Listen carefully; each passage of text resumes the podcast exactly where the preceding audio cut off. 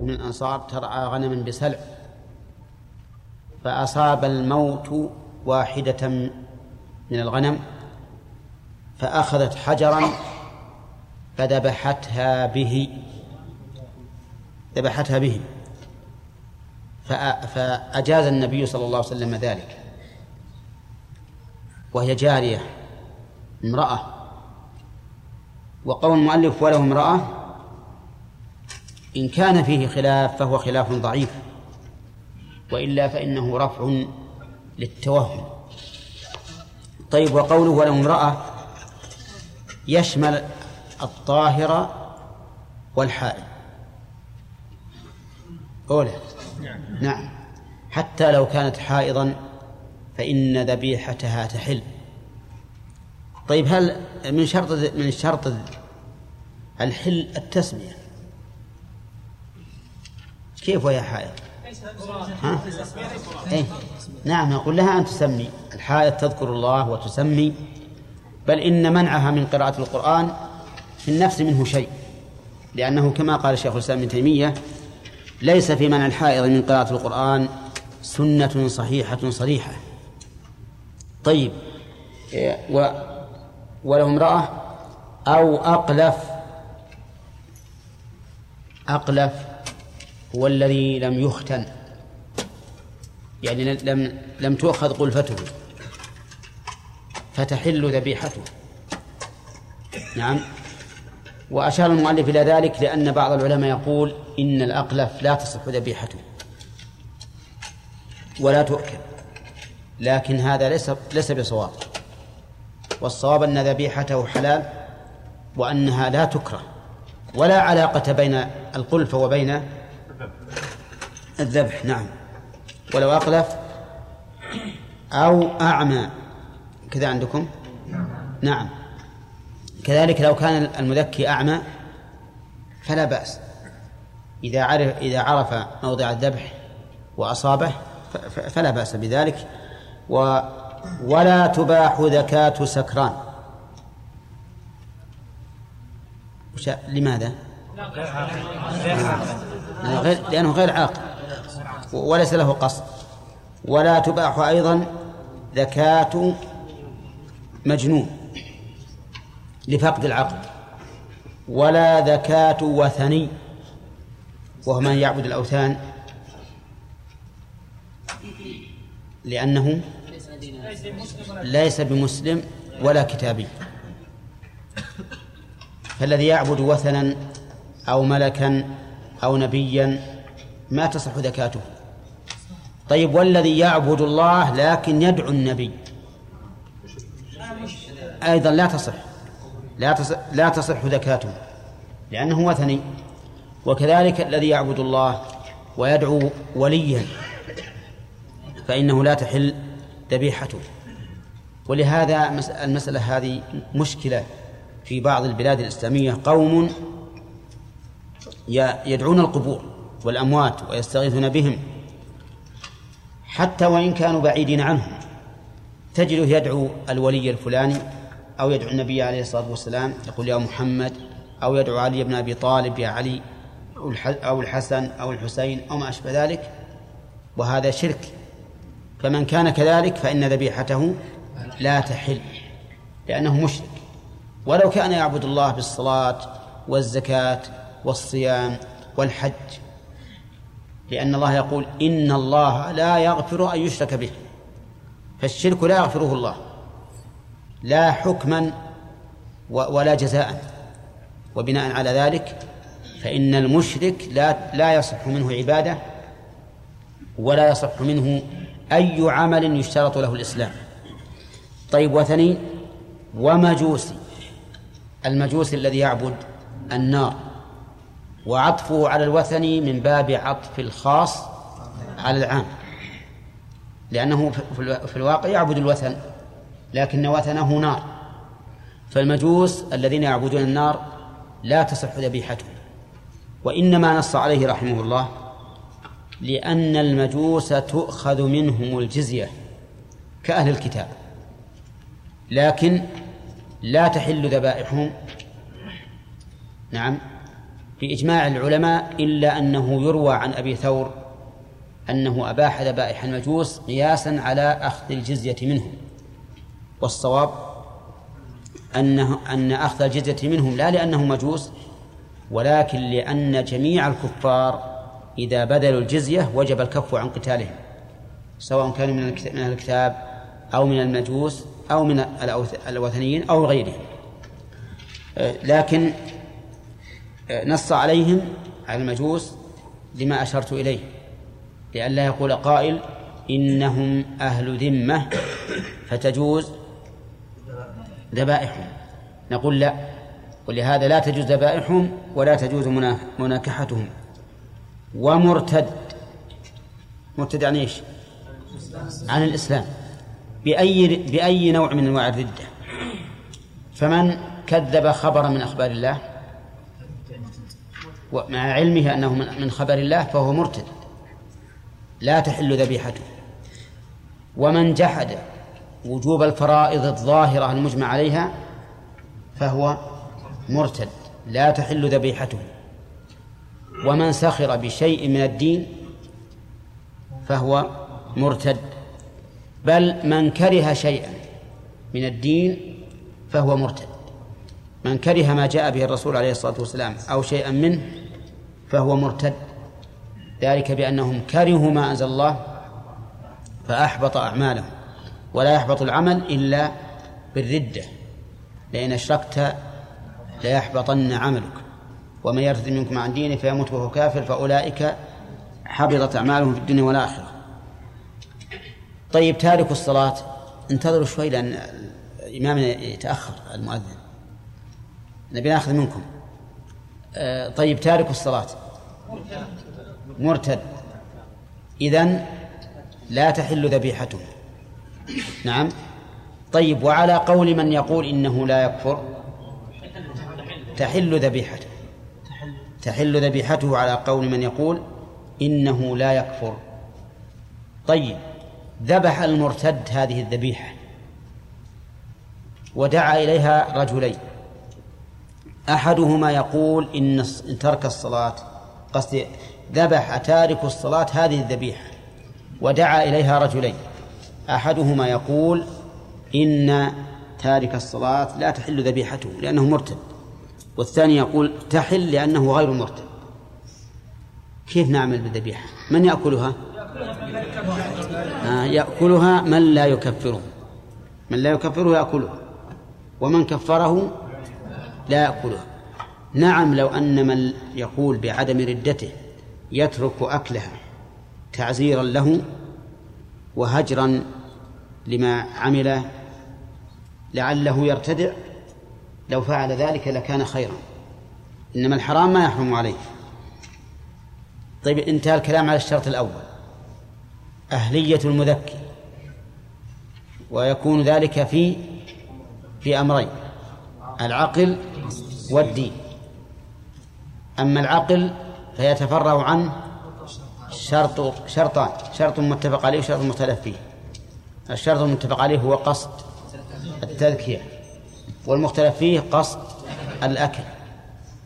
أما الثاني وهو الدين فهو فإنه يباح زكاة المسلم واليهودي والنصراني. شكك بعض الناس في عصرنا بحل ذبيحة اليهود والنصراني اليوم وقال إنهم الآن لا يدينون بدين اليهود ولا النصارى. نعم؟ وهذا ليس بصواب. نعم إن قالوا نحن لا ندين بهذه الأديان ولا نعتبرها دينا فإن ردتهم واضحة. أما إذا قالوا إنهم يدينون بها ولكن عند ولكن عندهم شرك فإن ذلك لا يمنع. بدليل أن الله تعالى أنزل سورة المائدة وحكى فيها عن النصارى ما حكى من القول بالتثليث وكفرهم بذلك. فقال لقد كفر الذين قالوا إن الله ثالث ثلاثة. وفي نفس هذه السورة قال وطعام الذين أوتوا الكتاب حل لكم. فالقرآن نزل بعد أن غيروا وبدلوا بل بعد أن كفروا ومع ذلك أحل ذبائحهم ونساءهم. وعلى هذا فما دام هؤلاء الآن يقولون إنهم يدينون بدين النصارى أو اليهود فإن لهم حكم اليهود والنصارى. ولو كان عندهم تبديل وتغيير ما لم يقولوا إنهم مرتدون ولا يقبلونه فهذا شيء آخر. نعم. زين ذبحها على خلاف شرعه لكن على وفاق الشرع الإسلامي. لا لا على على خلافهما جميعا؟ أي. هذه معروفة انها ما تحل ما في إشكال. نعم.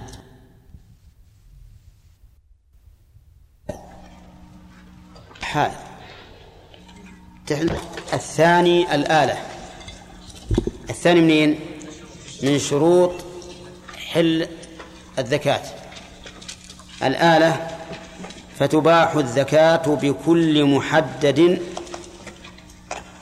ولو مغصوبا من حديد أو حجر من حديد وحجر وقصب وغيره كخشب. نعم. الآلة يعني لا بد أن يكون الذبح بآلة.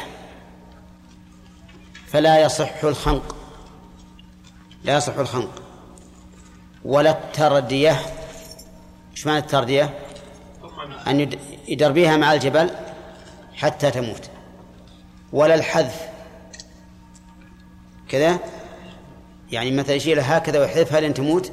ما يصح لا بد من آلة. طيب ولا الضرب. مثل يأخذها فوق ويضربها على الأرض. نعم. لأن لا بد من من آلة. طيب فك الظهر. ها؟ ما يحل؟ لأن ما في آلة. فك الرقبة ما يحل أيضا لأنه ليس فيه آلة فلا بد من آلة. ولا بد أيضا في هذه الآلة من أن تكون من أن تكون محددة. ولهذا قال المؤلف الآلة فتباح الزكاة بكل محدد. بكل محدد. عرفتم؟ ما معنى محدد؟ أي له حد يقطع. فأما إذا لم يكن له حد فإنها لا تحل الزكاة به. فلو خنق فلو أن فلو خنقها بالكهرباء. ها؟ ما تحل؟ لأنه غير محدد ولا ينهر الدم. فلا بد من أن يكون آلة محددة. بعد؟ تنهر تنهر الدم. تنهره يعني تجعله يسيل. قال ولو مغصوبا. لو مغصوبا هذه إشارة خلاف. ولو مغصوبا لأن بعض العلماء يقول إن المغصوب الآلة المغصوبة أو المحرمة لحق الله كالذهب والفضة لا تحل الزكاة بها. لا تحل الزكاة بها. لماذا؟ لأن ما ترتب على غير المأذون فاسد. ما ترتب على غير المأذون فهو فاسد. كيف؟ لقوله صلى الله عليه وسلم من عمل عملا ليس عليه أمرنا فهو رد.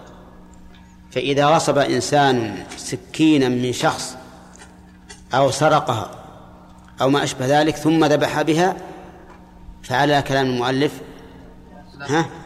تحل الذبيحة. على كلام المؤلف لأنه قال ولو مغصوبا. وعلى القول الثاني لا تحل لا تحل. ما حجة القول قول المؤلف؟ حجة قول المؤلف يقول إن التحريم هنا ليس خاصا ليس خاصا بالذبح. فتحريم استعمال المغصوب عام عام وعلى هذا فتصح الزكاة بالمغصوب. لأن الشرع لم يقل لا تذكي بالمغصوب حتى نقول إنه إذا ذكى فقد عمل عملا ليس عليه أمر الشرع. بل الشرع قال لا تغصب أموال الناس ولا تستعملها بأي بأي شيء. فالنهي إذن خاص ولا عام؟ ها؟ عام يا إخوان. النهي ما قال لا تذكي بمغصوب. لو جاء النهي هكذا لا تذكي بمغصوب صار خاصا. فإذا كيت فقد عملت عملا ليس عليه أمر الله ورسوله. لكن جاء لا تغصب أموال الناس. عام. بأي فبأي استعمال استعملته فهو داخل. في هذا الحديث. وعليه فلما لم يكن النهي خاصا لم يفسد الذبح نظير ذلك الغيبة محرمة على الصائم وغير الصائم أليس كذلك؟ لو أن الرجل اغتاب الناس وهو صائم يفسد صومه؟ أه؟ لا يفسد ليش؟ لأن النهي هنا عام ينهى الإنسان أن يغتاب سواء في الصيام وفي غير الصيام وإن كان في الصيام قال فيه الرسول عليه الصلاة والسلام من لم يدع قول الزور والعمل به والجهل فليس لله حاجة في أن يدع طعامه وشرابه ولا شك أن الغيبة من قول الزور طيب لو صلى الإنسان بثوب مغصوب بثوب مغصوب ها؟ على الخلاف المذهب يقولون إنها لا تصح فيحصل فيه التناقض في كلامهم. والقول الثاني أنها تصح لأن النهي ليس عن الصلاة في الثوب المغصوب ولكن عن استعمال الثوب وغصب الثوب. عام. طيب المهم لئلا تتفرع علينا المسائل نقول الزكاة بالمغصوب حكمها جائزة. نعم. زكاة المغصوب جائزة. على كلام المؤلف. وعلى القول الثاني لا تحل. طيب صحيحة وجائزة. نعم. طيب ما رأيكم أنتم حرانين الحين؟ طيب أجل نشوف شوف هذا وش اسمه؟ خليه يجي يفتح. على أدنى شيء. ها؟ لا يقول هذا بس المراوح. جواز. الراجح أن حل الذبيحة طيب قال من حديد من بيان لكل لكل محدد. هذه بيان لكل محدد. يعني سواء كان المحدد من حديد وحجر. الحجر يمكن يذبح به يمكن. يصير محدد له حد ويمر على الرقبة حتى ينهر الدم. نعم. طيب. وقصب وش هو القصب؟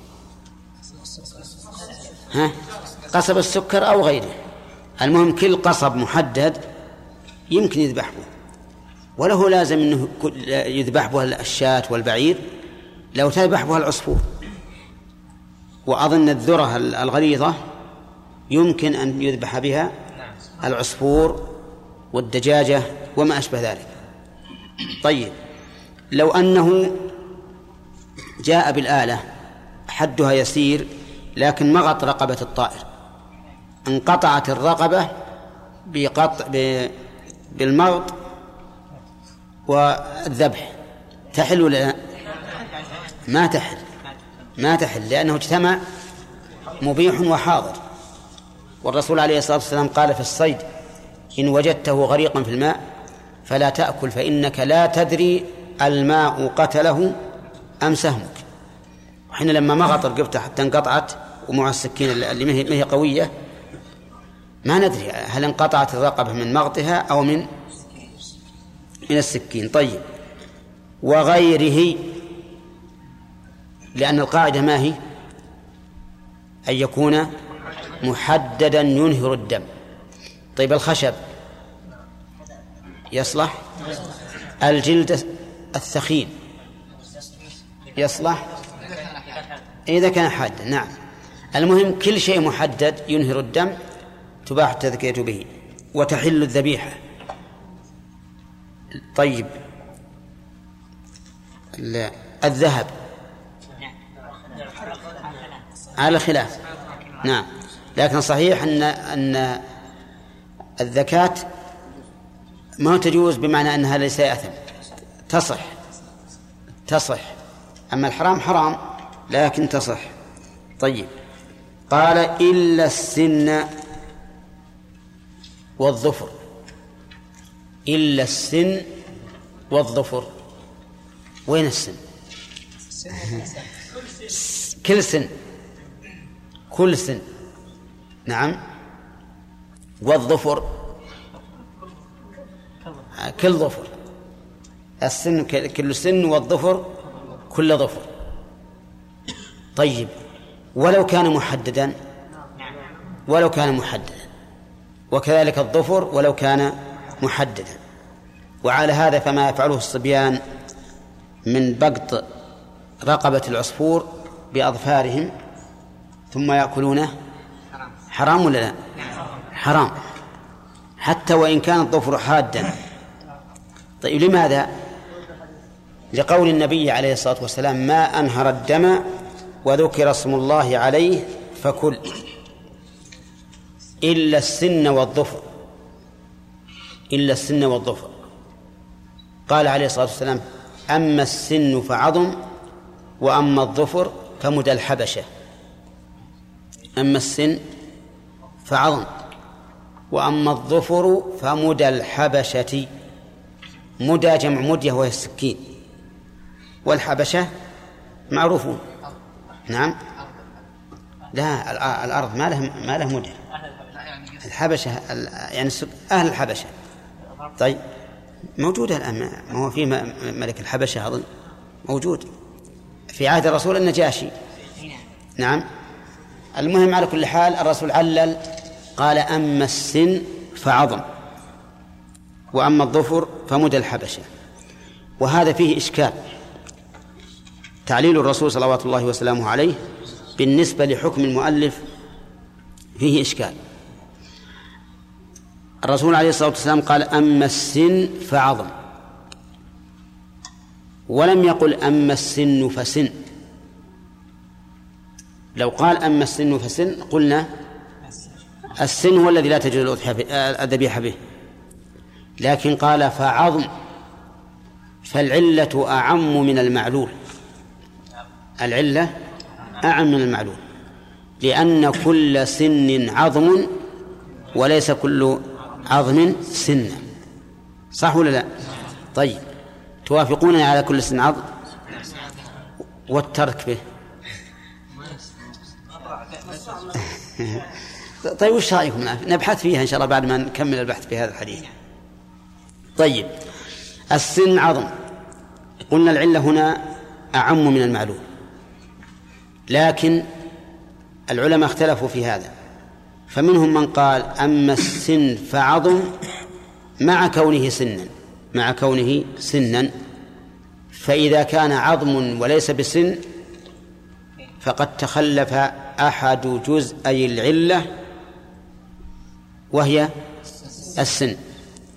فتحل الذبيحة به تحل الذبيحة به. بالعظم غير السن. وقال بعض العلماء ومنهم شيخ الإسلام ابن تيمية رحمه الله إن الذكاة لا تصح بجميع العظام. لأن الرسول عليه الصلاة والسلام قال أما السن فعظم والتعليل بكونه عظما معقول المعنى. معقول المعنى. ما هو المعنى؟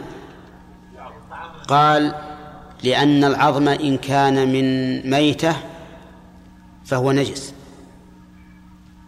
والنجس لا يصح أن يكون آلة للتطهير والتذكية.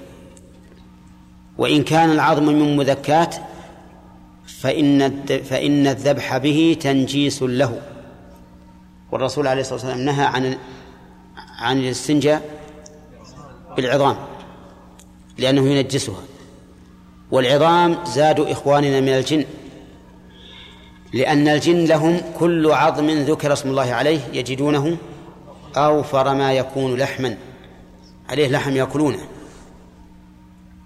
فعليه يكون التعليل بالعظم أعني بأن الذكاة لا تصح به معقول المعنى. عرفتم؟ وأولئك عرفتم ماذا يجبون قالوا إن العلة مركبة من من شيئين من جزئين سن وعظم. قالوا ولو كان الرسول صلى الله عليه وسلم يريد العظام جميعا لقال إلا السن إلا العظم والظفر. إلا العظم والظفر. نعم. ولما لم يقل ذلك علمنا أنه أراد أراد المعنيين لكن الراجح ما اختاره شيخ الإسلام لأن لأن التعليل واضح. والقاعدة الشرعية أن الحكم يدور مع علته وجودا وعدما طيب الظفر قال مدى الحبشة فيه بعد إشكال لأننا لو فرضنا أن للحبشة مدن يعني سكاكين خاصة بهم لا يستعملها إلا هم فهل تحل التذكية تصح التذكية بها؟ ها؟ فمدى الحبشة. انتبهوا. لأن لأن غير هذا غير الظفر وإن كان حديدا مثلا يصنعونه على صفة معينة لا يصنعه إلا هم لا يقتضي أن يكون خاصا بهم. لأن الناس يذبحون بالمحدد في كل مكان. لكن الذي جعل أظفاره مدن هم الحبشة. ولهذا لا يقصون أظفارهم. يخلون أظفارهم تبقى حتى تطول ويذبحون بها. وش يذبحون بها؟ آه، العصافير وغيرها كل ما يمكن ذبحه بها. نعم كل ما يمكن ذبحه وبناء على ذلك نقول إن الرسول عليه الصلاة والسلام نهى عن الظفر لأنه مدى الحبشة لأن هذا فيه مفسدتان. المفسدة الأولى أننا لو جعلنا الأظفار آلة للذبح لفاتنا مشروعية القص. كان كل واحد يقول ببقي ظفري علشان كل ما وجدت أرنب ولا غيره. نعم. رصيتها الظفر عليها لأنه يطلع الدم وكلتها ها؟ يوفر السكاكين أو يمكن تسقط منها وينساها. ثانيا أنه بذلك يشبه السباع.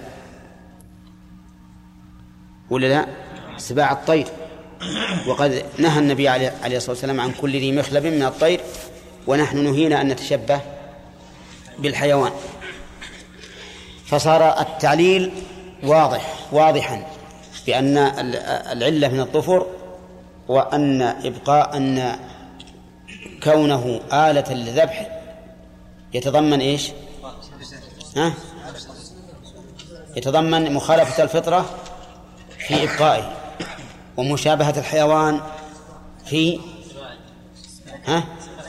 في نعم في قتله بمخلبه ويمكن أن نقول أيضا الحب ويشب ويتضمن مشابهة الكفار لأن الكفار لأن الحبشة حين ذاك كانوا كفارا والتشبه بالكفار محرم. فكل هذا أهل الكتاب يجوز ذبائحهم.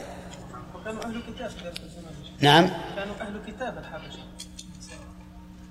ما هو ما هو بالظاهر إن كلهم أهل الكتاب. حتى لو كانوا أهل الكتاب لو كانوا أهل الكتاب فالتشبه بأهل الكتاب فيما يختص بهم منهي عنه. طيب اذا نقول السن والظفر فقط. دون بقية العظام والظفر يشمل ظفر الآدمي وغيره والمتصل والمنفصل. وعرفتم الخلاف في إيش؟ في العظام. نعم. طيب ما رأيكم في الأسنان التركيبية؟ ها؟ طيب ما يخالف. إن كانت من عظام فيه داخلة في العظم. إن كانت من عظام ها؟ طيب ما يخالف نشوف. لو أن رجلا أمسك عصفورا وأراد يذبحه دخل رأسه في فمه وعض رقبته حتى أنهر الدم. يحل ولا ما يحل؟ اي تركيبة تركيبة. كل اللي عنده تركيبة. حاد نعم. حادة. وليست بعظم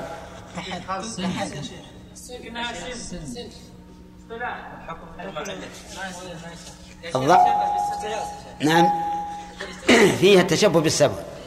صحيح. فيها التشبه بالسبع. ولهذا نقول ما ينبغي لك أن تفعل هذا. حتى أنت إذا فعلت ذلك فسوف تلوث فمك بماذا؟ بالدم النجس. دقيقة دقيقة. فسوف تلوثه بالدم النجس. لأن الغالب الغالب أن الدم يعني ينهر من يوم يتبين له مخرج. أما إذا إذا طلع التركبة وذبح بها فهذا لا شك في جوازه. إذا إذا لم تكن عظما فإن كانت عظما فعلى الخلاف. ليست بحادة حد السكين الأسنان. لا لا حادة. ذبح تحل. تحل ذبيحة بها طيب على الخلاف في آه، الحل. إذا كان محرم الخلاصة الآن يا جماعة الشرط الثالث ما هي؟ الثاني الآلة ويشترط فيها أن تكون محددة تنهر الدم وألا تكون سنا ولا ظفرا. طيب الشرط الثالث قطع الحلقوم والمري. في الرقبة أربعة أشياء ودجان وحلقوم ومري. الودجان عرقان غليظان يحاذيان الحلقوم والمري.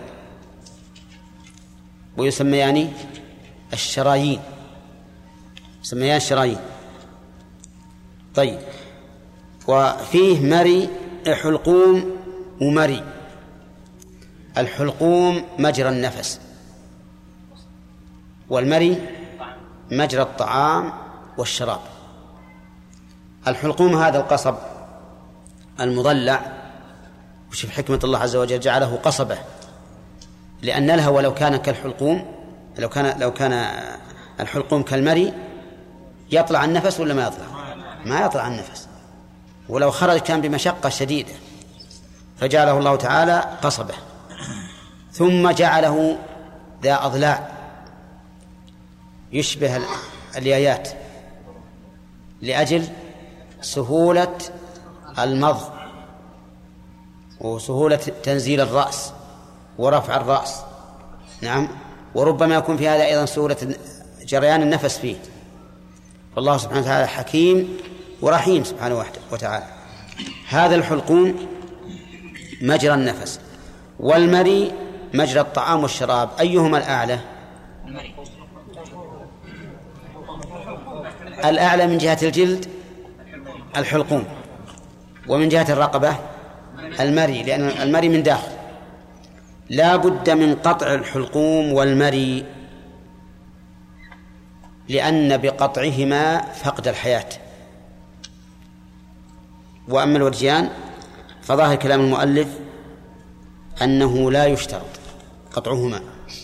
يعني لا يشترط أن يقطع الودجين وهما العرقان الغليظان اللذان منهما ينهر الدم ويجري.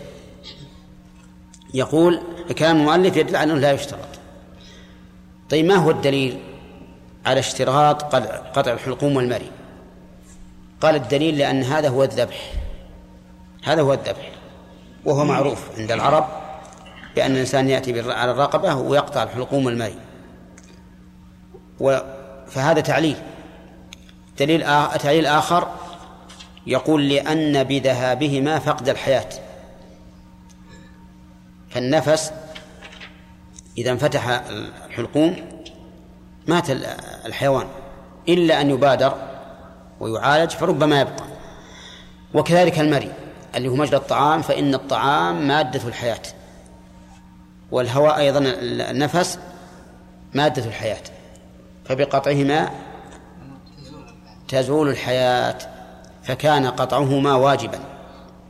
طيب وهل يشترط إبانتهما؟ أه؟ إبانتهما شرط؟ لا ليست بشرط. فلو قطع نصف الحلقوم ثم دخل السكين من تحته وقطع نصف المريء حلت الذبيحة. حلت الذبيحة لأنه قطعهما وإبانتهما ليست بشرط وهو محل خلاف أيضا بقينا بالودجين ما حكم قطعهما حكم قطعهما على كلام على ما ذهب إليه فقهاؤنا رحمهم الله أن قطعهما سنة وليس بشرط لحل الزكاة ليس بشرط لحل الذكية بل قطعهما سنة ولا و و ولما لم يرد نص في هذا صريح اختلف العلماء في هذه المسألة. لأن النص الصحيح الصريح الوارد في هذا المقام هو قوله عليه الصلاة والسلام ما أنهر الدم وذكر اسم الله عليه فكل هذا الصريح. نعم. وكذلك أيضا النحر في الحلق واللبة. أيضا جاء في هذا الحديث عن الرسول عليه الصلاة والسلام وإن كان في سنده مقال فمن ثم اختلف العلماء. فانتبه الآن وش عنده؟ المشهور من المذهب أن الشرط إيش؟ أن الشرط قطع الحلقوم والمري. وقيل إن الشرط قطع الودجين وإن لم يقطع الحلقوم والمري. نعم واستدل هؤلاء بقول الرسول عليه الصلاة والسلام ما أنهر الدم. ولم يقل ما قطع النفس أو قطع الطعام قال ما أنهر الدم. ولا ريب عند كل عارف أن الدم لا يكون في إنهار لا يكون إنهار الدم إلا بقطع الوجين ولعلكم رأيتم الذبيحة. إذا قطع الوجيان تجدون الدم يخرج بغزارة واندفاع قوي ولم يقل الرسول سوى ذلك. وعلى هذا فالشرط قطع الودجين فقط. أما الحلقوم والمري فمن كمال الذبح. واستدلوا لذلك بأن الرسول عليه الصلاة والسلام نهى عن ذبيحة الشيطان. وهي التي تذبح شريطة الشيطان وهي التي تذبح شريطة الشيطان وهي التي تذبح ولا تفرى أوداجها. تذبح ولا تفرى أوداجها وهذا وإن كان رواه أبو داود وهو فيه ضعف. لكنه يشهد له قوله ما أنهر الدم. وذكر اسم الله عليه فكل. ومنهم من قال لا بد من قطع الأربعة جميعا كل الأربعة. ما هما؟ ها؟ الحلقوم والمري والوجيات أربعة. ومنهم من قال يشترط قطع ثلاثة من أربعة. ثلاثة من أربعة. كيف ثلاثة من أربعة؟ ودج واحد أو الحلقوم والمري والو أو أو الحلقوم والودجين. أو المري والودجين. فالخلاف في هذا طويل منتشر وذلك لأنه ليس هناك نص واضح يدل على الاشتراط. ولكن أقرب الأقوال عندي هو أن الشرط هو إنهار الدم فقط. وما عدا ذلك فهو مكمل ولا شك أن الإنسان إذا قطع الأربعة فقد حلت الذبيحة بالإجماع. نعم. ها؟ يقول يقول إن الآن يوجد مكائن ها؟ مصانع تأخذ العظام وتنتفع بها. ها؟ يجوز. نعم. لأن هي لنا. هي لنا. والنهي كما قال الأخ عبد العزيز إنما هي ها؟ عبد الله إنما هو عن التنجيس. أما إذا أخذناه وانتفعنا بها ما, ما لهم علينا در ها؟ والله شوف أما إن جاءوا إليك يشكون. فانظر في الموضوع. وما داموا لم يأتوا خلهم يروحون نعم. إذا قلنا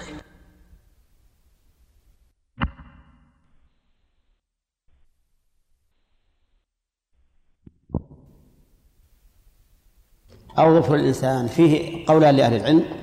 منهم من قال جميع الأظفار لا يضح لا يذكى بها حتى لو كان عند الإنسان ظفر حيوان من جنس المدية يعني من جنس السكين و ذكى به لا يصح للعموم. ومنهم من قال المراد بذلك ظفر الإنسان لأن الرسول عليه الصلاة والسلام قال مدى الحبشة والحبشة كانوا يذكون بأظفارهم. والعموم أولى تجنب العموم أولى.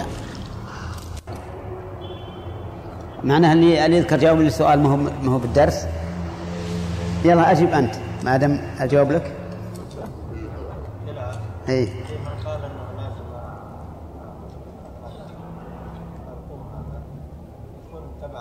نعم.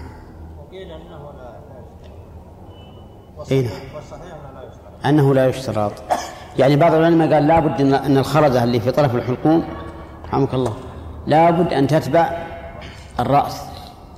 ومنهم من قال لا يشترط وهو وهو وهو الصحيح هو المذهب واختيار شيخ الإسلام ابن تيمية أنه مو شرط. لو قطع من وراء الخرزه هذه فإنه يجزي. طيب الرجل الظاهر أنكم ما ما, ما أنتم جزارين ولا تعرفون. ها؟ نعم. تذبحون مع الجهة المعتادة. الرقبة فيها عظام. فيها عظام ولا لا؟ طيب العظام فيها سلك المخ هذا اللي يأتي من الدماغ إلى إلى العمود الفقري إلى الظهر. لكن هذا كله ما فيه لا حلقوم. ولا مري ولا وتجيه ما في شيء من هذا. فلو قطعه عندما وصل إلى هذا المخ وانقطع قال خلاص الآن لا يمكن أن تبقى. لابد أن تموت يكفي. نقول ما يكفي. لأنك ما أنهرت الدم. فلا قطع لا الحلقوم ولا المري ولا الودجين فتكون حراما بإجماع العلماء. لأنه ما حصل المقصود. أما لو ذبح بسرعة حتى أتت السكين على ما يجب قطعه من الأربعة هذه وهي حية فإنه يجزي أي نعم. هو قطع النخاع وهذا هو الذي أوجب له يقول إن حلت الآن. نقول ما يكفي هذا؟ لأن قطع النخاع بدون إنهار الدم كالخنق تماما. ها؟ ما تموت. أبدا يبقى فيها حياة لا لا يعني هي تموت يعني الدم ما ينهر ما تدخل كيف؟ لأن هو مركز القلب موجود في النخاع اللي قطعه هذا. أي القلب ما يضخ دم. ما يخالف يتوقف ولا ولا ولا يزخ الدم. لكن إذا وصل إلى حد الحلقوم والمري والوجهين وفيه حياة ولو قليلة كفى. لا. يعني لا يشترط انهار جميع الدم من الذبيحة لا ما هو شرط. يعني المهم إنه يجري منها الدم الحار الذي يخرج من الذبيحة عادة وإن, وإن لم يكن بغزارة. نعم. طيب هذا الشرط الثاني. قال المؤلف وذكاة ما عجز عنه من من النعم من الصيد والنعم. هذا ما هي ما هو متن هذا. هذا شرح. لا لا هذا متن ياسر. أما المتون الصحيحة لا. لكن على كل حال معناه واضح. إنه إن أبان الرأس بالذبح لم يحرم المذبوح لأنه قطع ما يجب قطعه. قال وذكاة ما عجز عنه من الصيد والنعم المتوحشة والواقعة في بئر ونحوها بجرحه في أي موضع كان من بدنه. ذكاة مبتدأ وقوله بجرحه خبر مبتدأ. يعني ذكاة هذا النوع تكون بجرحه في أي موضع من بدنه. أولا الصيد. ما عجز عنه من الصيد فذكاته بجرحه في, في أي موضع من بدنه مثل أن يلحق الإنسان ظبيا ويعجز عنه. فيرسل عليه السكين فتضربه في بطنه حتى يموت. فإنه يحل مع أن الذبح الآن ليس في في الرقبة لكن الله يقول فاتقوا الله ما استطعتم وأنا لم أستطع أكثر من ذلك. هذا الصيد. كذلك النعم المتوحشة. ما هي النعم؟ الإبل والبقر والغنم. قال الله تعالى فجزاء مثل ما قتل من النعم وهي الإبل والبقر والغنم. النعم المتوحشة. كيف النعم المتوحشة؟ نعم. أحيانا تشرد الإبل حتى لا يستطيع الإنسان أن يمسكها. فماذا يصنع بهذه؟ نقول يكون حكمها حكم الصيد تحل بجرحها في أي موضع من بدنها. دليل ذلك قوله تعالى فاتقوا الله ما استطعتم ولأنه ندى بعير من إبل القوم والنبي صلى الله عليه وسلم معهم فرماه رجل بسهم فحبسه. فقال النبي عليه الصلاة والسلام إن لهذه النعم أوابد كأوابد الوحش. فما ند عليكم فاصنعوا به هكذا. ما ند عليكم يعني ما شرد حتى لم تتمكنوا منه فاصنعوا به هكذا أي ارموه بالسهام. ولأن الصيد بإجماع المسلمين ولأن الصيد بإجماع المسلمين يحل في أي موضع أصيب. وهذا مثله كما أشار إليه النبي عليه الصلاة والسلام. فهذه ثلاثة أدلة تدل على حكم هذه المسألة من القرآن والسنة والقياس الصحيح الذي القياس الصحيح على ما أجمع عليه العلماء. الكتاب ما هو؟ اتقوا الله ما استطعتم. السنة قال النبي عليه الصلاة والسلام إن هذه النعم لها يعني إن لهذه النعم, النعم أوابد كأوابد الوحش فما صنع فما ند عليكم فاصنعوا به هكذا. أما القياس على ما أجمع عليه المسلمون فلأن المسلمين أجمعوا على أن الصيد الطائر أو العادي يحل في آه، بأي موضع أصيب من بدنه وهذا مثله. كذلك الواقعة في بئر. الواقعة في بئر كيف تقع في بئر؟ ها؟ يمكن. يمكن تقع في بئر أو تقع في مكان سحيق. لا يمكن الوصول إليها. كما لو كان لو تردت من جبل شاهق. ولا يمكننا أن نصل إليها. طبعا هي إذا تردت من جبل شاهق الغالب عليها أنها تموت. ولا يمكن ولا يمكننا أن نصل إليها قبل الموت فإننا في هذه الحال نرميها. نرميها بالسهم. في أي موضع أصابها السهم من بدنها فإنها تحل.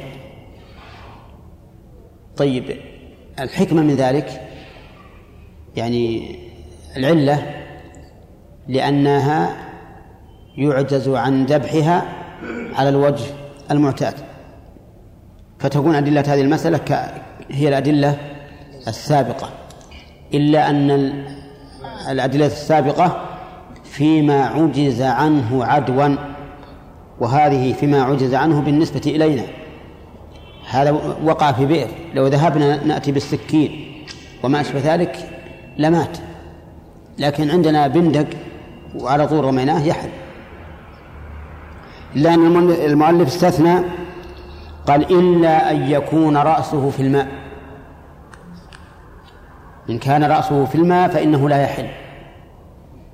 لماذا؟ لأننا لا ندري أمات بالماء أم بالسهم. كما قال النبي عليه الصلاة والسلام في الصيد إن وجدته غريقا في الماء فلا تأكل فإنك لا تدري الماء قتله أم سهمك. هذه العلة تدل على أننا لو تيقنا أن الذي قتله السهم نعم إيش؟ لحل. لأن قوله لا تدري يدل على أني لو دريت بأن الذي قتله هو السهم كان حلالا. وهو كذلك.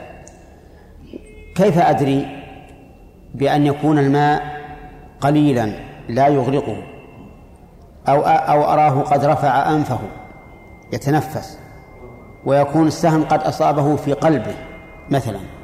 فهنا نعلم أن أن الذي قتله السهم دون الماء.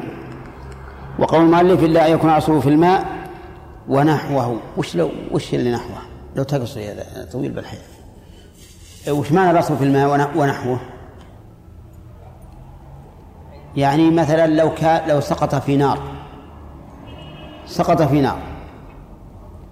وذبحناه. ما ندري هل النار التي قتلت أم السهم؟ فإنه لا يحل. لأنه اجتمع عندنا مبيح وحاضر فيغلب جانب الحظر أي المنع. لأننا لا ندري أيهما الذي حصل به الموت. لو قال قائل لماذا لا نقول يلزم أن ينزل إليه في البئر ويذبحه كالمعتاد ها؟ الجواب لأنه قد لا يمكنه. ربما بنزوله يموت هذا الحيوان وحينئذ يفوت علينا. إي نعم. الرابع؟ نعم. مثلا طائر ضربوا به هو بس مثلا بندق شاف الدم نازل. هو قبل ما يسقط البير. مثلا سقط بركة مثلا الماء حقته كثيره نعم. هنا يكون مثلا مذبوح بال نفس الصيد ولا بالماء. هو نفس الشيء. اللي قال الرسول إذا أرسل سهمة ثم وجد الصيد غريقا في الماء فلا يأكل. الصيد نزل من الماء قبل ما ينزل في الماء. لا. أنا بعد ما رميته راح. ثم بعد إذن وجدته في الماء ميتا ما آكل إلا إذا علمت أن سهمي هو الذي قتله. النار لا تقتل أسرع من السهم. يعني إذا صاب السهم إيه؟ تقتل أسرع من النار. لا هو على كل حال. قد يصيبه السهم في موضع لا يتأخر فيه الموت. ما على كل حال. نعم. كيف؟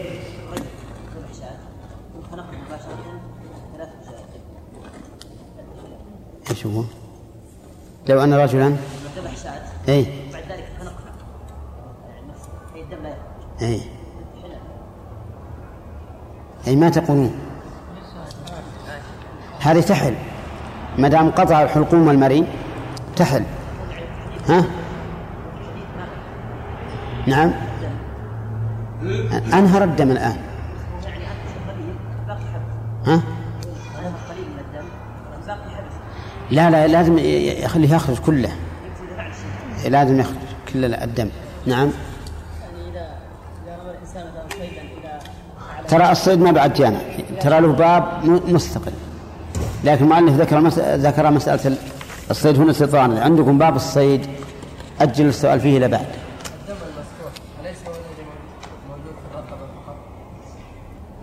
الدم. لا مطلقا. حتى اللي غير حتى اللي في غير لا.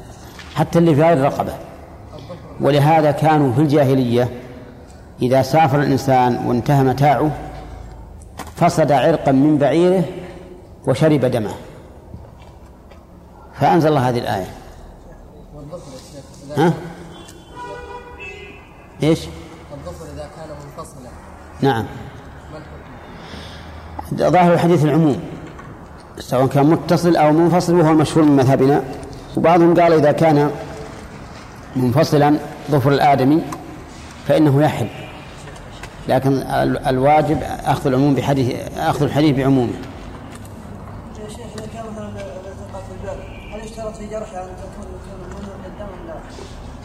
لا لابد صغيرة. يكفي ينهر الدم. ما ما دمنا علمنا أنه لما آه، نزف الدم نزف الدم مات أما لو علمنا أن هذا الجرح لم يخرج منه إلا شيئا بسيطا وأن الدم حصل وأن الموت حصل بوقوعه ان دقت رقبته مثلا فهنا لا يحل ولو جرحه.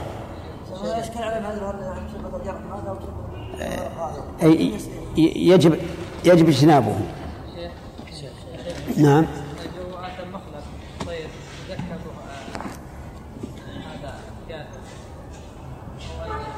أي. ماذا تقولون؟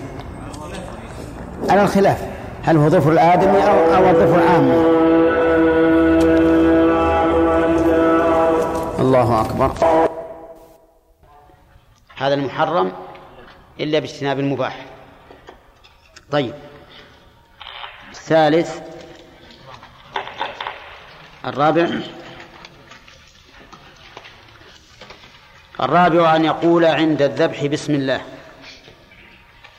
الرابع أن يقول الضمير يعود على الذابح. عند الذبح يعني أو النحر الذبح فيما يذبح أو النحر فيما ينحر. أن يقول بسم الله. والجملة هذه مر علينا إعرابها. وأنها متعلقة بمحذوف يقدر فعلا متأخرا مناسبا. فيقال في بسم الله التقدير بسم الله أذبح في الذبح في النحر بسم الله أنحر. طيب يقول بسم الله قوله بسم الله دليل ذلك قوله تعالى فكلوا مما ذكر اسم الله عليه إن كنتم بآياته مؤمنين. وما لكم ألا تأكلوا مما ذكر اسم الله عليه وقد فصل لكم ما حرم عليكم إلا ما اضطررتم إليه. هذا دليل. دليل آخر ولا تأكلوا مما لم يذكر اسم الله عليه وإنه لفسق. وهذان من كتاب الله عز وجل. ومن السنة قول النبي صلى الله عليه وسلم ما أنهر الدم وذكر اسم الله عليه فكل. فقال ما أنهر الدم وما شرطية. ما أنهر الدم وذكر اسم الله عليه فكل. أنت يا لا, لا تقرب هذولي. يمكن أصابعك فيهم كهرباء الظاهر. ما أنهر الدم وذكر اسم الله عليه فكل. ويمكن أن يستدل أيضا بحديث عائشة الذي رواه البخاري أن قوما قالوا يا رسول الله إن قوما يأتوننا باللحم لا ندري أذكر اسم الله عليه أم لا. قال سموا أنتم وكلوا. فإن هذا يدل على أنه كان من المستقر عندهم أن ما لم يذكر اسم الله عليه لا يؤكل. ولهذا قالوا لا ندري أذكر اسم الله عليه أم لا يعني فهل نأكله أم لا؟ فقال سموا أنتم وكلوا. طيب. وعلى هذا فنقول إن الدليل من كتاب الله ومن سنة رسول الله صلى الله عليه وسلم. دليلان من القرآن ودليلان من السنة. طيب يقول بسم الله. هل المراد هذا اللفظ؟ هل المراد هذا اللفظ؟ افصل يا افصل بالنهاية. هل المراد هذا اللفظ؟ يعني بحيث لو قال باسم الرحمن أو باسم رب العالمين أو ما أشبه ذلك من من الكلمات التي لا تكون إلا لله فإنه لا يصح. أو المراد باسم مسمى هذا الاسم. نعم. المذهب الأول. يعني لا بد أن يقول بسم الله بهذا بهذا اللفظ. فإن قال باسم الرحمن أو باسم رب العالمين أو باسم الخلاق العليم أو ما أشبه ذلك فإنه لا يجزئ. ولكن الصحيح أن المراد باسم مسمى هذا الاسم. فعلى هذا إذا قال باسم الرحمن أو باسم رب العالمين أو ما أشبه ذلك كان هذا جائزا. وكانت الذبيحة حلالا. لأن قوله تعالى فكلوا مما ذكر اسم الله عليه ولا تأكلوا مما لم يذكر اسم الله عليه المراد الاسم المختص بهذا المسمى وهو الله عز وجل. طيب لا هل يشرع أن يذكر اسم الرسول عليه الصلاة والسلام هنا؟ لا يشرع. وعليه فلا تقل بسم الله والصلاة والسلام على رسول الله لأن هذا مقام إخلاص لله عز وجل فلا ينبغي أن يذكر مع اسمه اسم أحد غيره. قال المؤلف ولا يجزئه غيرها نعم عندنا بالواو. ما يخالف ما يهم. لا يجزئه غيرها أي غير هذا اللفظ. بسم الله. فلو قال بسم الرحمن أو باسم رب العالمين أو باسم الخلاق أو ما أشبه ذلك مما يختص بالله فإنه لا يجزئ. والصحيح أنه يجزئ. قال المؤلف رحمه الله فإن تركها سهوا أبيحت لا عمدا. إن تركها أي التسمية. سهوا فإن الذبيحة تحل. والسهو معناه ذهول القلب عن شيء معلوم. يذهل قلب الإنسان عن أمر كان يعلمه. وظاهر كلام المؤلف أنه إذا تركها ذاكرا فإنها لا تحل ولو كان جاهلا. لو كان جاهلا لا يدري أن التسمية واجبة. وهو كذلك على المذهب. فيفرقون هنا بين الجهل والنسيان. يقول إذا ترك التسمية ناسيا فإنها تحل وإن تركها جاهلا فإنها لا تحل. وإن تركها عالما ذاكرا ها فلا تحل من باب أولى. فالأحوال ثلاثة. إما أن يتركها عالما بالحكم ذاكرا لها. فلا تحل. أو يتركها عالما بالحكم ناسيا. فتحل. أو يتركها عالم ناس جاهلا بالحكم عامدا ذاكرا. فإنها لا تحل على المذهب. فيفرقون بين الجهل والنسيان. طيب ما هو الدليل على أنها تسقط بالسهو قال الدليل قوله تعالى ربنا لا تؤاخذنا إن نسينا أو أخطأنا. إن نسينا أو أخطأنا وهذا نسيان. وقول النبي عليه الصلاة والسلام ذبيحة المسلم حلال وإن لم يسم إذا لم يتعمده. وإن لم يسم إذا لم يتعمده. قالوا هذا دليل واضح. فصل فيه الرسول عليه الصلاة والسلام إن ذبيحة صرح بأن ذبيحة المسلم حلال إذا لم يتعمد إذا لم يتعمد. وعلم منها أنه إذا تعمد فليست بحلال ولو كان جاهلا لعموم الحديث. وهذه المسألة اختلف فيها أهل العلم على ثلاثة أقوال. أعني التسمية على الذبيحة. هل هي شرط أو ليست بشرط؟ فذهب بعض أهل العلم إلى أن التسمية ليست بشرط وإنما هي مستحبة. إن سمى فهو أفضل وإن لم يسمي فالذبيحة حلال سواء تعمد ذلك أم لم يتعمده وسواء كان ذاكرا أو ناسيا. هذا وهذا مذهب الشافعي رحمه الله. واستدل بقول النبي صلى الله عليه وسلم ذبيحة المسلم حلال وإن لم يذكر اسم الله عليها. ذبيحة المسلم حلال وإن لم يذكر اسم الله عليها هذا قول.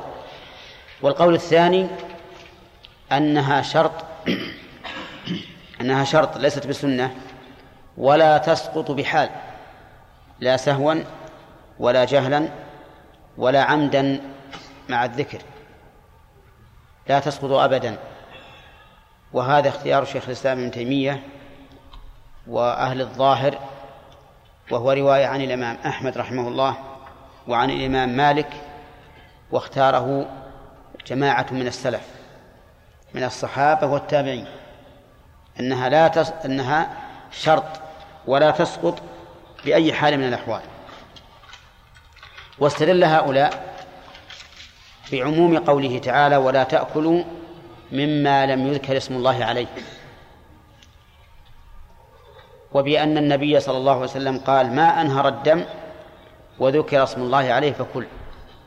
فشرط لحل الأكل التسمية. وإذا ومعلوم أنه إذا فقد الشرط فقد المشروط. فإذا فقد التسمية فإنه يفقد الحل. كسائر الشروط. كل الشروط الثبوتية الوجودية لا تسقط بالسهو ولا بالجهل. ولهذا لو أن الإنسان صلى وهو ناس أن يتوضأ وجبت عليه إعادة الصلاة.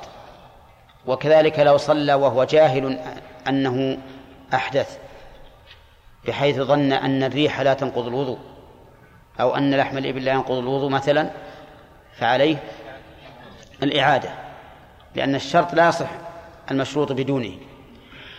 وكما أنه لو لو ذبحها ولم ينهر الدم ناسيا أو جاهلا فإنها لا تحل. فكذلك إذا ترك التسمية لأن الحديث واحد ما أنهر الدم وذكر اسم الله عليه فكل وهذا اختيار الشيخ الإسلام ابن تيمية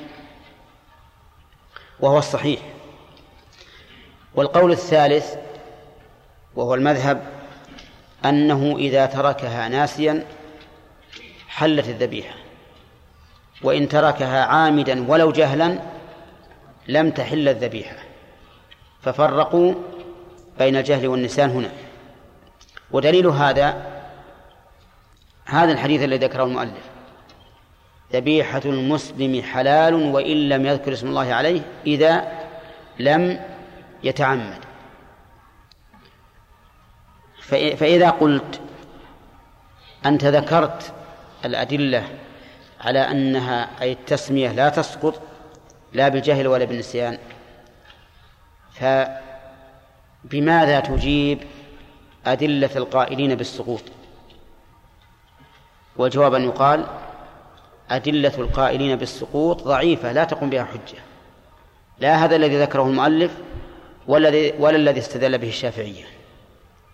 وإذا كانت ضعيفة فإنها لا يمكن أن تعارض القرآن والسنة.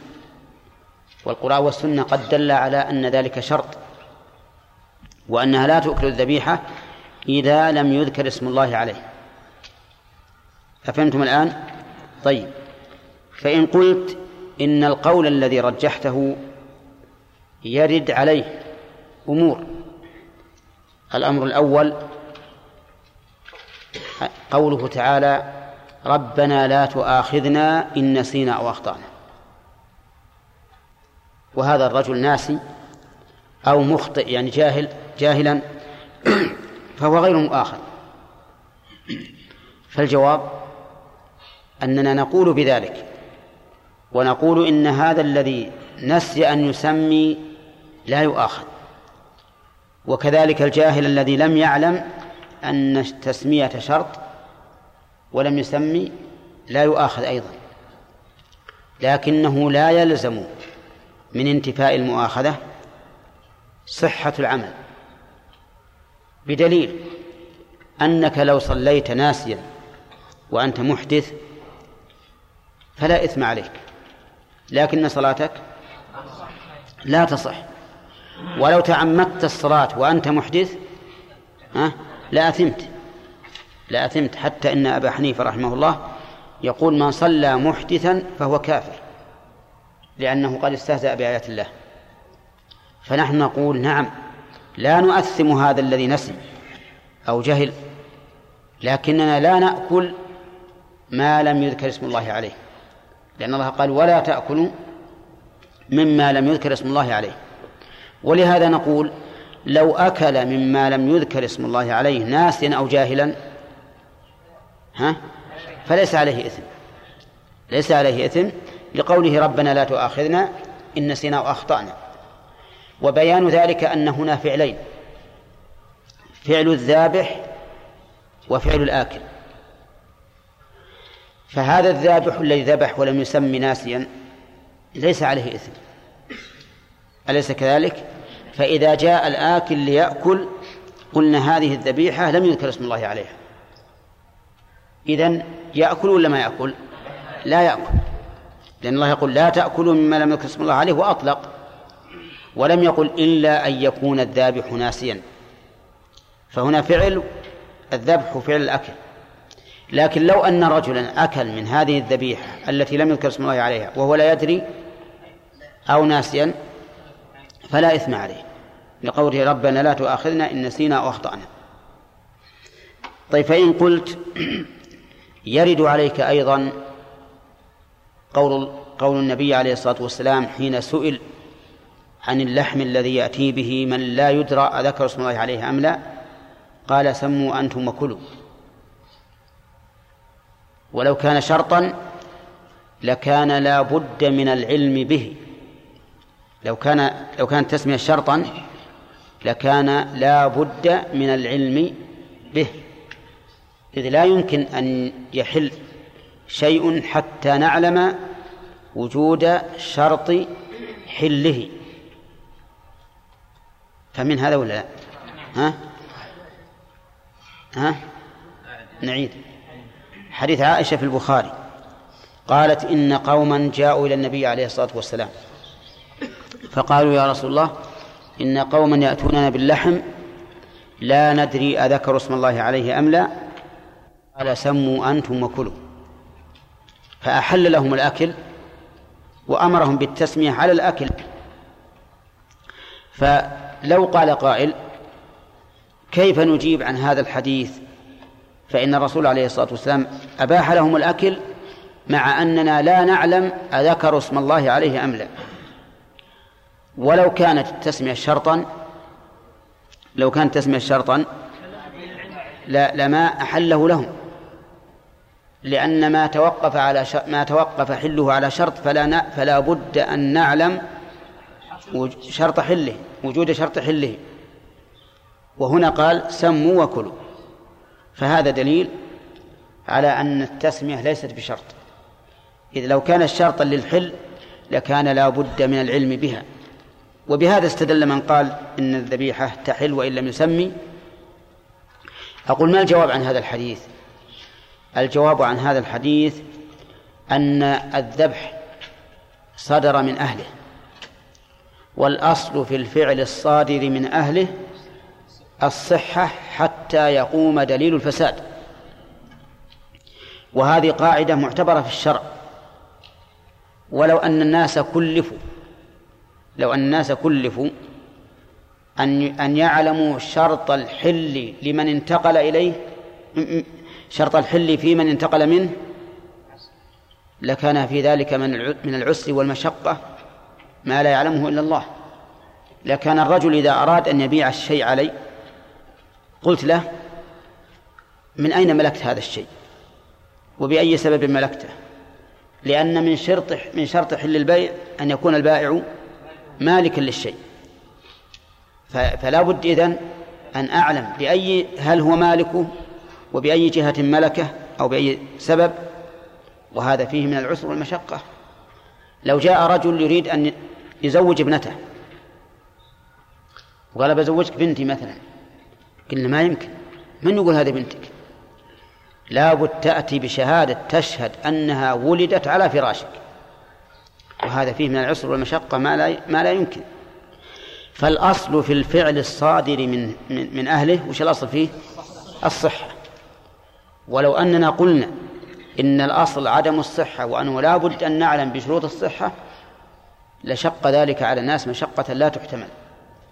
ولهذا الآن لو جاءنا لحم من القصابين من الجزارين المسلمين هل يشترط أن نعلم أنهم سموا؟ احتمال أنهم لم يسموا وارد ومع ذلك لا يشترط بل نشتري ونأكل ولا نقول ولا نقول شيئا. لأن هذه القاعدة مضطردة. الأصل في الفعل الصادر من أهله الصحة ما لم يقم دليل الفساد. والرسول عليه الصلاة والسلام لما قال سموا أنتم وكلوا كأنه يشير إلى نقد لاذع لهم. نقد لاذع. كأنه يقول لستم مكلفين بفعل غيركم. الذبح ليس ليس فعلكم بل فعل الغير وأنتم غير مسؤولين عنه لكن مسؤولون عما تفعلون أنتم فأنتم سموا وكلوا. اللي غير الفعل فعل لغيرك ما أنت مسؤول عنه. وهذا واضح لمن تأمله. وحينئذ فلا يكون في هذا الحديث دليل على سقوط التسمية. لا نسيانا ولا جهلا ولا عمدا. بل بل سبق لنا أن قلنا إنه دليل على وجوب التسمية وأن التسمية قد تقرر عندهم أنه لا بد منها ولهذا سألوا عن حل أكل هذا اللحم. طيب فإن قلت إذا حرمت الذبيحة التي نسي أن يذكر اسم الله عليها فقد أضعت مالا كثيرا على المسلمين. لأن النسيان يرد كثيرا عند الفعل. نعم. ولا سيما إذا كانت الذبيحة قوية وأراد الإنسان أن يجهز عليها بسرعة. نعم. هو تجده مع مع السرعة يمكن ينسى يقول بسم الله. يمكن أن ينسى أن يقول بسم الله. فإذا قلت إن هذا حرام الذي نسي أن يذكر اسم الله عليه وأنه يجب أن يسحب للكلاب والذئاب فقد أتلفت مالا كثيرا على الناس. وها والنبي عليه الصلاة والسلام نهى عن إضاعة المال. فالجواب إذا كنا نخاطب المذهب نقول أنتم تقولون إن الرجل إذا نسي أن يسمي على الصيد فالصيد حرام. هم يقولون بذلك. إذا نسي أن يسمي على الصيد فالصيد حرام. ولو كان الصيد من أنفس ما يكون وأغلى ما يكون. حتى لو كان ظبيا من أحسن الظباء وأكبر الظباء وأغلى الظباء ونسي أن يسمي فإن الصيد لا يحل. مع أن الذهول عن التسمية في الصيد ها أكثر من الذهول عن التسمية على الذبيحة. واضح؟ لأن الصيد يأتي الإنسان بسرعة يخشى أن يفوته. لكن الذبيحة بين يديه يذبحها بهدوء. فأنتم تقولون إنها لا تحل. فما الفرق؟ وإذا كنا ممن يقول وإذا كان المخاطب ممن يقول بسقوط التسمية نسيانا في الصيد والذبيحة وقال إنكم إذا حرمتم ما نسي أن يذكر اسم الله عليه فقد أضعتم أموالا كثيرة للمسلمين. فالجواب على هذا أن نقول أن نقول بمنع أن يكون هذا مالا. نقول الذي لم يسمى الله عليه ليس بمال. لأنه ميتة والميتة ليست بمال. فقد ثبت في الصحيحين أن النبي صلى الله عليه وسلم قال يوم فتح مكة إن الله حرم بيع الميتة. نعم. وإذا كان كذلك فإن الميتة فإن ما, ما, ما لم يسمى الله عليه ميتة. وتركه نعم وإلقاؤه للسباع لا يعتبر إضاعة مال.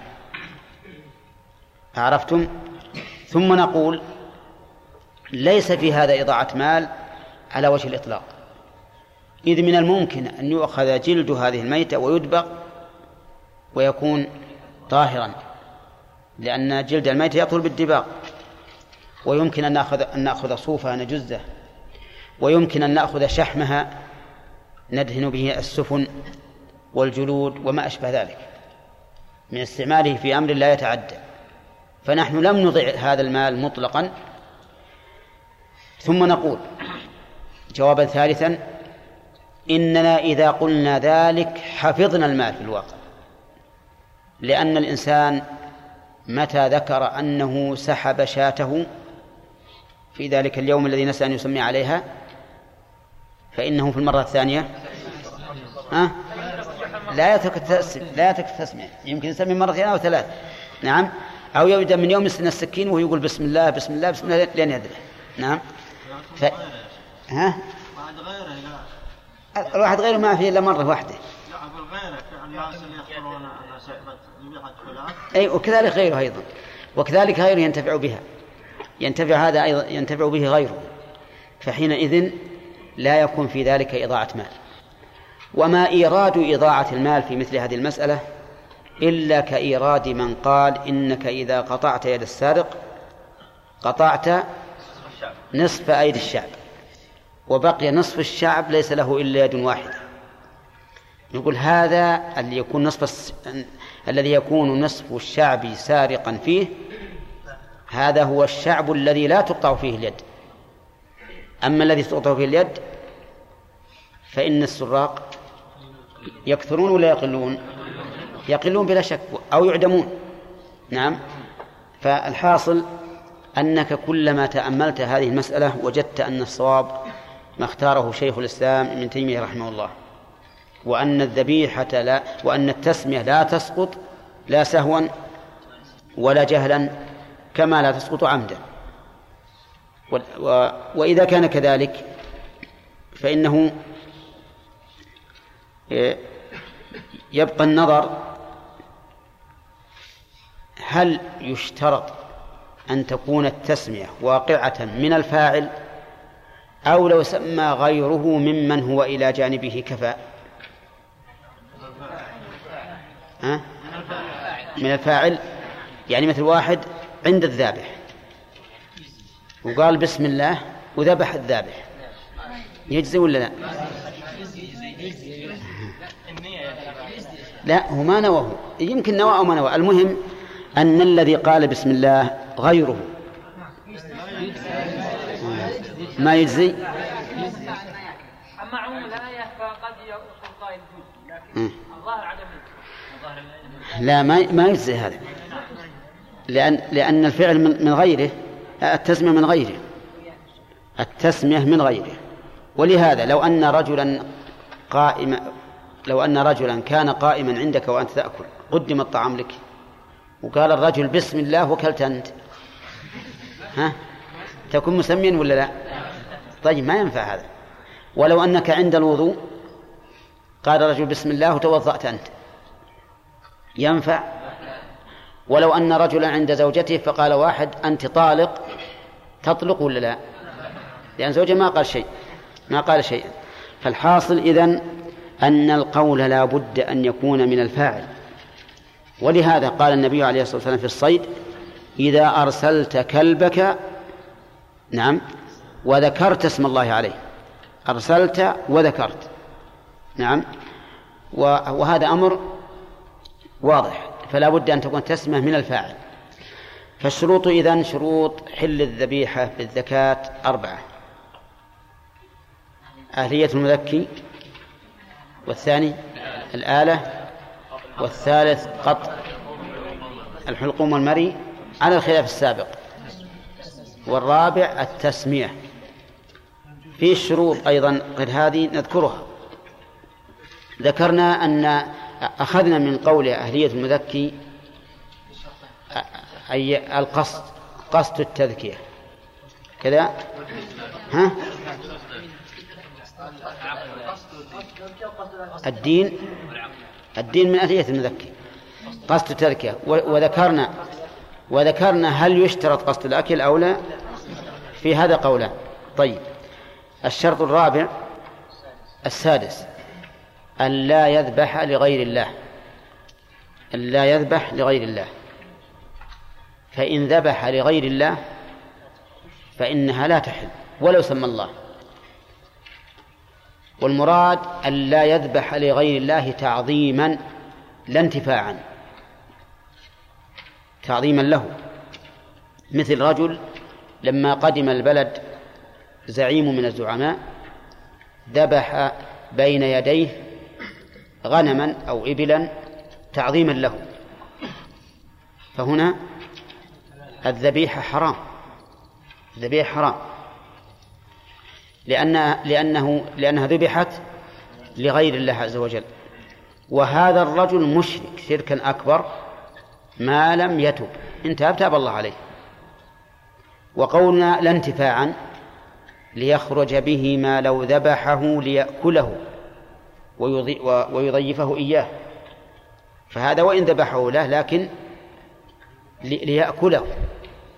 ففرق بين الذي ذبحه تعظيما و وفرق بين الذي ذبحه لينتفع به لأن ذبحه له لينتفع به يعتقد أنه في حاجة إليه. أو لا؟ أو لا. إذا ذبحته لأكرمه به ليأكله كضيفة له. ها؟ هذا هل هل هو كالتعظيم الذي أذبحه تعظيما له لإنهار الدم؟ لا بل هذا بالعكس. لأن ذبحته إليه لاحتياجه إلى أكله وانتفاعه به. طيب الشرط السابع ما نكمل ها؟ بقى شرط أو شرطين أو ثلاثة. نعم. نخليها جلها نعم. ما روي عن ابن عمر أن الصحابة لا يصح.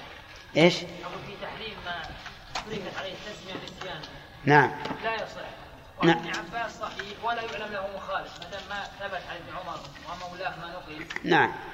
ثم يقولون وإنه لفسق نعم. الناس لا يسمى فاسق. نعم. هكذا يعلمون. إي نعم.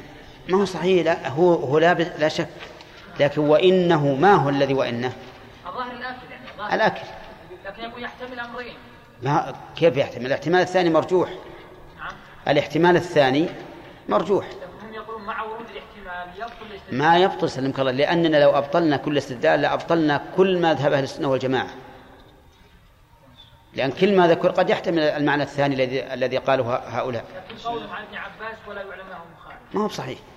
هذا ما هو بصحيح. هذا يقول ابن كثير في الجواب على هذا إن ابن جرير رحمه الله وجماعة